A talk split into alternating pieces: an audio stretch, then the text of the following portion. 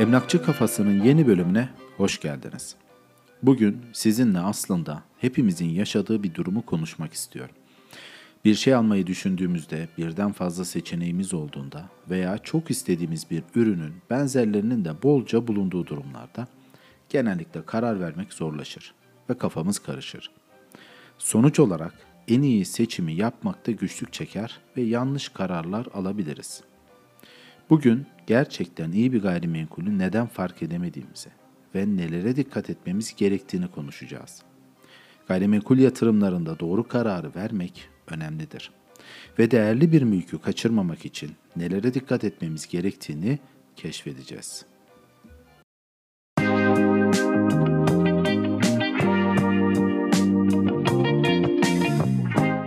İyi bir gayrimenkulü fark etmek için öncelikle araştırma yapmalıyız.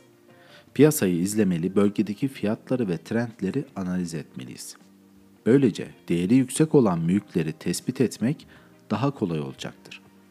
Ayrıca mülkün bulunduğu konumu değerlendirmeliyiz. Ulaşım olanakları, altyapı, çevredeki hizmetler gibi faktörler bir mülkün değerini etkileyen önemli unsurlardır. İyi bir konumda olan gayrimenkuller genellikle daha fazla talep görür. Evet, konum önemli bir faktördür. Ancak bir mülkün değerini belirleyen bir diğer unsur da potansiyel geliridir. Kiralanabilirlik ve yatırım getirisi potansiyeli bir gayrimenkulün iyi bir yatırım olup olmadığını belirler. Bu nedenle kira piyasasını analiz etmeli ve gelir potansiyelini göz önünde bulundurmalıyız. Ayrıca gayrimenkulün fiziksel durumuna dikkat etmeliyiz. Yapının yaşı, bakım durumu, yapı malzemeleri gibi faktörler mülkün değerini etkileyebilir. İyi bir mülk uzun vadeli bakım maliyetlerini minimize eden ve gelecekte değerini koruyabilen bir yapıya sahip olmalıdır. Bazen duygusal faktörler bizi yanıltabilir. Çok güzel bir mülk veya popüler bir bölge cazip gelebilir. Ancak gerçek değeri ve potansiyeli hakkında objektif olmalıyız. Kapsamlı bir analiz yapmadan karar vermek bizi değersiz veya riskli bir yatırıma yönlendirebilir.'' Gerçekten iyi bir gayrimenkulü fark etmek için araştırma, analiz ve objektif değerlendirmeler yapmalıyız. Konum, gelir potansiyeli, fiziksel durum ve hukuki faktörler gibi unsurlara dikkat etmeliyiz.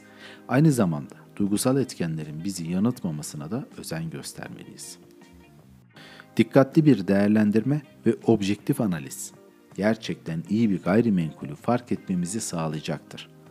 Eğer sizin de emlakla ilgili merak ettiğiniz veya duymak istediğiniz konular varsa bize mesaj göndermekten çekinmeyin. Emlakçı Kafası'nın bir sonraki bölümünde görüşmek üzere. Hoşçakalın.